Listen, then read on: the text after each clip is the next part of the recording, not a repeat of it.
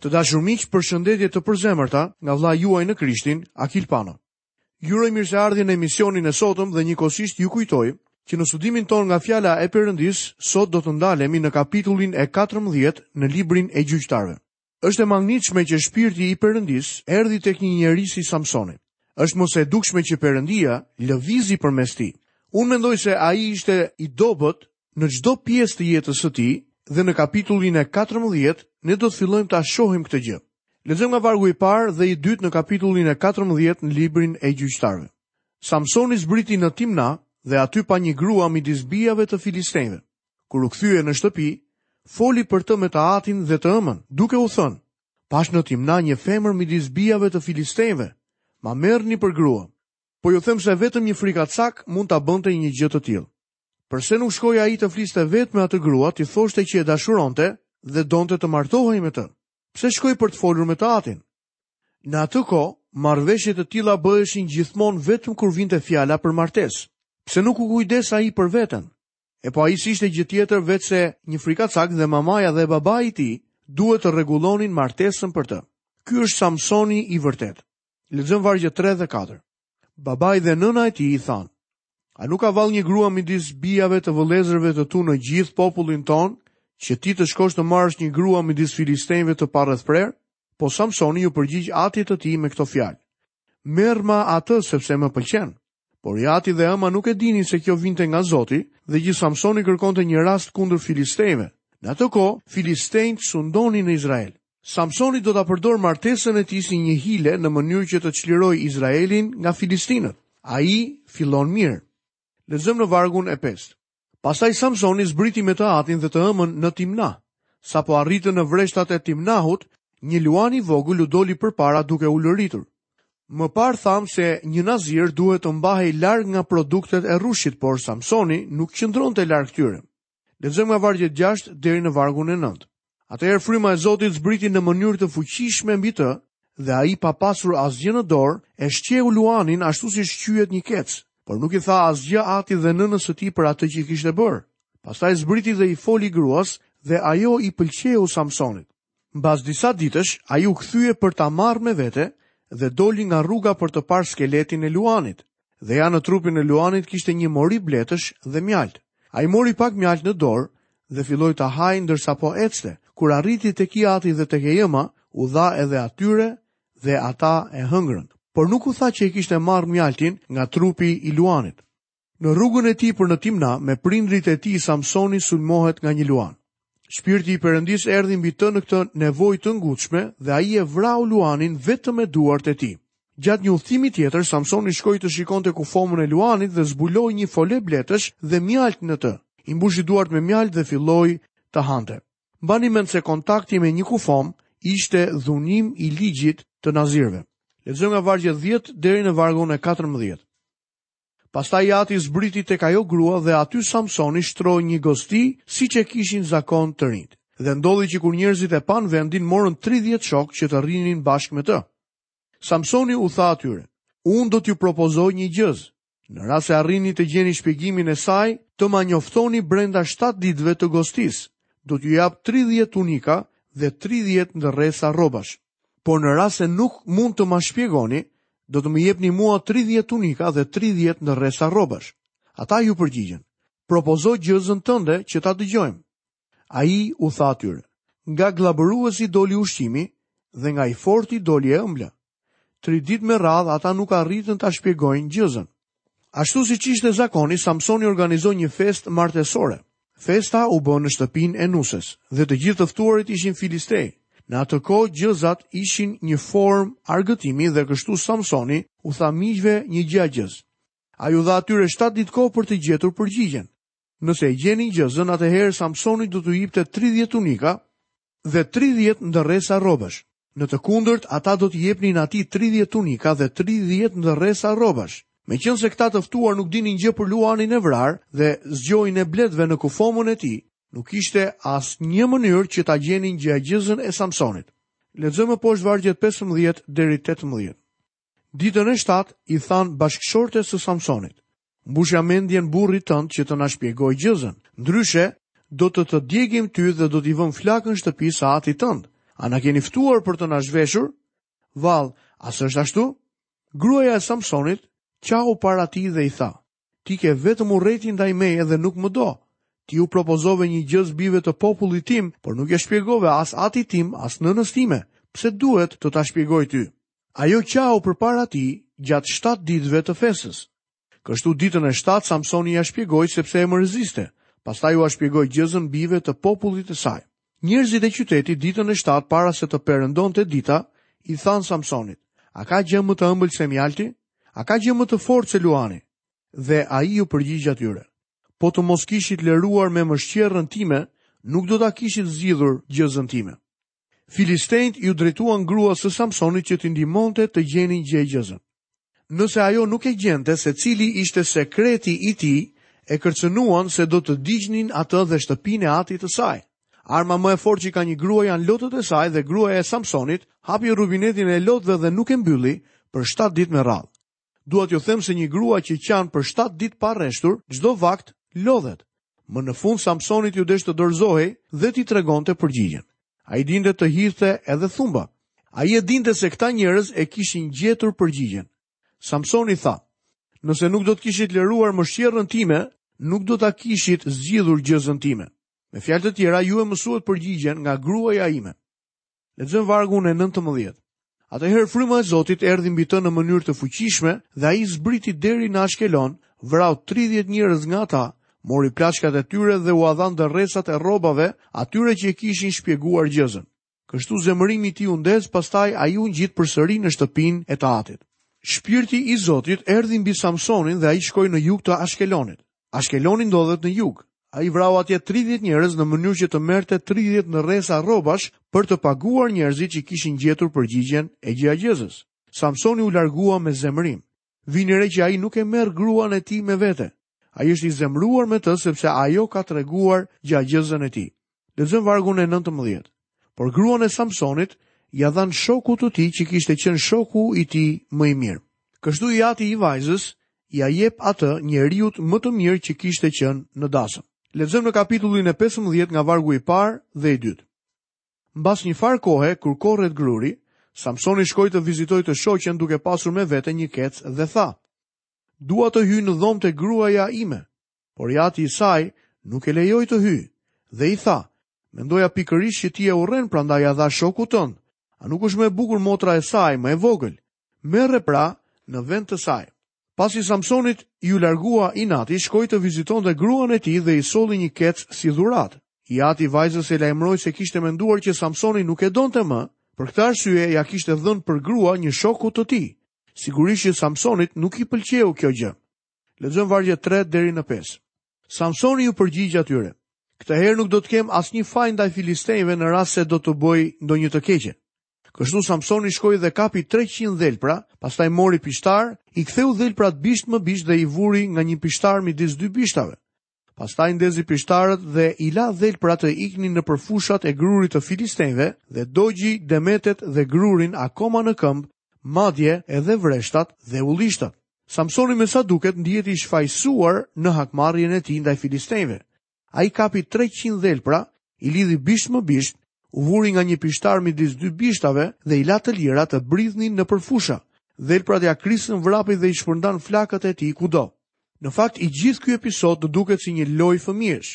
Sigurisht që Samsoni në këto momente nuk i ngjan njeriut të Zotit. Lexojmë nga vargu 6 deri në vargun e 8. Atëherë filistenjtë pyetën, kush e bëri këtë? Morën këtë përgjigje. Samsoni dhëndri i burrit të Timnahut, sepse ky mori gruan dhe e dha si bashkëshorte shokut të tij. Kështu filistenjtë u ngritën dhe i vunë flakën asaj dhe atit të saj. Samsoni u tha atyre, meqenëse keni bërë këtë gjë, unë do të hakmerrem sigurisht kundër jush dhe pastaj do të rri. Kështu i goditi në mënyrë të pamëshirshme, duke bërë kërdi të madhe. Pastaj zbriti dhe qëndroi në shpellën e shkëmbit të Etamit. Vini re se kjo çështje është personale. Kjo s'ka lidhje me detyrën e tij nga Zoti për të çliruar Izraelin nga filistenjtë. Ai po merr hak për veten e tij. Veprat e tij nuk kanë të bëjnë aspak me çlirimin e Izraelit. Hakmarrja e Samsonit është personale. Pas goditjes së filistenjve duke bërë kërdinë, Samsoni i kishte trazuar me të vërtetë armiqtë. Ata filluan ta kërkojnë, kështu që ai lejoi njerëzit ta lidhin me litar në mënyrë që t'i mbronte nga filistenjtë. Lexojmë në vargun e 14. Kur arriti në Lehi, filistenjtë i dolën përpara me klithma gëzimi, por fryma e Zotit erdhi fuqishëm mbi të dhe litarët që i kishte në krah u bënë si fije liri që digjen dhe lidhjet i ranë nga duart. Banorët e Judës e morën Samsonin të burgosurin e tyre, e çuan në Lehi, i cili ishte i pushtuar nga filistenjtë. Armiqtë u gëzuan jashtëzakonisht kur panë Samsonin e lidhur. Por Samsoni i këputi litarët sikur të ishin fije. Sërish shohim forcën e këtij njeriu, por jo forcën e tij personale. Lexojmë vargun e 15. Gjeti pastaj një nofull gomari akoma të freskët, shtriu dorën dhe e kapi dhe me të vrau një mijë njerëz. Samsoni rrëmbeu armën më të afër që ishte një nofull gomari dhe sulmoi armikun. Ai vrau një mijë vetë prej tyre. Vini re forcën e këtij njeriu. Ai sigurisht që nuk mund ta kishte bërë kurrë një gjë të tillë me forcën e tij. Ishte shpirti i Zotit që erdhi mbi të dhe e aftësoi për të bërë një gjë të tillë. Ai po fillon të çlirojë Izraelin. Ah sikur ta kishte mbajtur atë qëllim përpara syve të tij, por nuk e mbajti, ashtu siç do ta shohim në kapitullin e ardhshëm. Lexojmë në kapitullin e 16, vargun e parë dhe të dytë. Pastaj Samsoni shkoi në Gaza dhe aty pa një prostitutë dhe hyri tek ajo. Kur u thanë atyre të Gazës, Samsoni erdhi këtu. Ata rrethuan vendin dhe qëndruan në pritë tërë natën pranë portës së qytetit, duke mbajtur heshtje të plotë dhe thanë, në të gdhirë do ta vrasim. Vini re dobësinë e Samsonit. Njerëzit e atij qyteti e panë dhe thanë, në të gdhirë do ta vrasim. Lexojmë në vargun e tretë. Samsoni ndenji shtrirë deri në mesnatë, pastaj në mesnatë u ngrit, kapi kanatet e portës së qytetit dhe dy shtalkat e saj i shkuli nga vendi bashkë me shufrat prej hekuri, i ngarkoi mbi kurriz dhe i çoi në majë të malit që ndodhet përballë Hebronit. Samsoni u ngrit në mesnatë dhe pa që portat e qytetit ishin mbyllur, dhe çfarë bëri? Kapi kanatet e portës bashkë me shtalkat e saj, i vuri mbi shpatullat e veta. i mbarti deri në majë të malit që ndodhej përballë Hebronit. Largësia duhet të ketë qenë rreth 64 kilometra. Ajo çfarë bëri, tingëllon si një veprim prej adoleshenti. Ky djalë, Samsoni, nuk u rrit kurrë. Ai ishte thirrur për të çliruar Izraelin me fuqinë e tij, por shohim që e përdori atë vetëm për përfitime personale. Lexojmë në vargun e 4. Mbas kësaj, ra në dashuri me një grua nga Lugina e Sorekut që quhej Delila. Kjo është historia e Samsonit. Kjo është edhe rënia e tij. Ky është dështimi më i madh i jetës së tij. Kjo është pika e tij e dobët dhe Samsoni, fjala e Perëndisë thotë, ra në dashuri me një grua. Askush nuk bie në mëkat menjëherë. Ajo gjë vjen gradualisht. Askush nuk bie papritur në mëkat. Një nga mëkatet e mëdha që e shkatërron shumë një burrë është seksi i ndaluar. Ky ishte mëkati i Samsonit. Ai ra në dashuri me një grua që quhej Delila. Me sa dim, Samsoni nuk u përpoq të martohej me të. Lexojmë nga vargjet 5 deri në vargun e 7. Atëherë princat e filistenjve shkuan tek ajo dhe i thanë: Bëje për vete dhe zbulo ku qëndron tërë ajo forcë e madhe e tij. në mënyrë që ta mposhtim për ta lidhur dhe për ta nënshtruar. Pastaj do të të japim secili një mijë e njëqind sikla argjendi. Kështu Delila i tha Samsonit, më thuaj të lutem, ku qëndron forca jote e madhe dhe në çfarë mënyre mund të të lidhin që të të nënshtrojnë. Samsoni iu përgjigj, Në rast se më lidhin me shtatë tela të freskëta, jo akoma të thara, të harkut unë do të bëhem i dobët dhe do të jem si gjithë burrat e tjerë. Mund të jeni të sigurt se Delila ishte më tepër e interesuar për argjend sesa për Samsonin. Edhe njëherë princat e filistenjve gjetën një mënyrë për ta kapur Samsonin. Vini re se Samsoni e vë në lojë atë në fillim. Ajo fillon të japë përgjigje por të gjitha ishin të gabuara. Ai i këputi telat pa u munduar fare, ende forca e tij ishte e panjohshme. Lexojmë nga vargjet dhjetë dhe njëmbëdhjetë. Pastaj Delila i tha Samsonit, Ja, je tallur me mua dhe më ke treguar gënjeshtra, por tani të lutem më thuaj se me çfarë gjëje mund të lidhesh. Ai iu përgjigj, Në qoftë se më lidhin me litarë të rinj që nuk kanë qenë përdorur kurrë, unë do të bëhem i dobët dhe do të jem si çfarëdo burri tjetër. Sërish ai luan me të. Ai po tallet me të gjatë gjithë kohës, madje e lejon edhe që ta lidhë me litarë. Kur ajo thërret Samson, filistenjtë t'i ke mbi kokë, ai këput litarët sikur të ishin fije peri. Tani Delila është shumë e inatosur, ajo është e irrituar me të dashurin e saj. Lexojmë vargjet 13 dhe 14. Atëherë Delila i tha Samsonit, deri tani je tallur me mua dhe më ke thënë gënjeshtra, tregomë me se mund të lidhesh dhe ai iu përgjigj. Mjafton të thurësh shtatë gërshetat e kokës sime me majën e tezgjahut. Ajo i thuri dhe i fiksoi në shulin e tezgjahut, pastaj i tha, Samson Filistenjtë i ke mbi kokë, por ai u zgjua nga gjumi dhe shkuli shulin nga tezgjahu dhe nga maja. Samsoni fillon të dobësohet, mund t'ju them se ky është fillimi i fundit të këtij njeriu. Ai po i afrohet së vërtetës ndërkohë që përmend flokët e tij, por ende po luan me të dhe kur ajo thotë Filistenjtë i ke mbi kokë, ai e shkuli shulin nga tezgjahu dhe u largua bashkë me të. Lexojmë nga vargjet 15 deri në vargun e 17. Atëherë ajo tha: Si mund të më thuash të dua, kur zemra jote nuk është me mua? Tri herë me radhë je tallur me mua dhe nuk më ke treguar ku qëndron forca jote e madhe. Tani meqenëse ajo e bezdiste çdo ditë me fjalët e saj dhe e nxiste me ngulm, ai u zemërua për vdekje dhe ia çeli asaj tërë zemrën duke i thënë, Kurrë nuk ka kaluar brisku mbi kokën time, sepse jam një nazir i Perëndisë, qysh në barkun e nënës sime. Po të rruhesha, forca ime do të ikte, do të bëhesha i dobët dhe i njëllojtë si gjithë burrat e tjerë. Këtë herë Delila i thotë Samsonit se nëse ai do ta donte me të vërtetë, do t'i tregonte sekretin e forcës së tij. Kështu Samsoni i tregoi se ai ishte një nazir, flokët e gjatë, ashtu siç mund ta mbani mend, ishin një shenjë e betimit. Forca e tij nuk ishte tek flokët e tij, por në shpirtin e Zotit që erdhi mbi të. Delila e sheh që ai është vetëm një i marrë. Lexojmë në vargun 18 deri 20. Kur Delila u bind që ai ia kishte çelur plotësisht zemrën, dërgoi të thërrasin princat e filistenjve dhe u dërgoi këto fjalë. Ejani lart këtë radhë se ai më hapi tërë zemrën e tij. Pastaj ajo e vuri në gjumë, mbi gjunjët e saj, thirri një njeri që i rroi të shtatë gërshetat e kokës të Samsonit, pastaj filloi ta trajtojë keq dhe fuqia e tij e la. Atëherë ajo tha, Samson, filistenjtë i ke mbi kokë. Ai u zgjua nga gjumi dhe tha, Unë do t'ia dal si herët e tjera, do të shpengohem, por nuk e dinte që Zoti e kishte braktisur. Kur Samsonin e zuri gjumi, Delila thirri një nga filistenjtë që i rrojti të shtatë gërshetat e kokës. Për herë të katër Delila thirri, Samson, filistenjtë i ke mbi kokë. Ky ishte momenti tragjik në jetën e Samsonit. Ai u zgjua nga gjumi duke menduar se do të vepronte si kishte bërë më parë, por nuk e dinte që Zoti e kishte braktisur. Miqtë e mi, forca nuk qëndron në flokët e tij. Forca e Samsonit ishte në shpirtin e Zotit që ndodhej mbi të. Miqtë e mi, forca jonë shpirtërore nuk qëndron në ceremonitë apo ritet fetare. Forca e besimtarit qëndron gjithmonë në shpirtin e Zotit. Samsoni që u thirr të ishte një gjyqtar për popullin e tij, për t'i çliruar nga thundra e filistenjve, ishte një njeri mishor.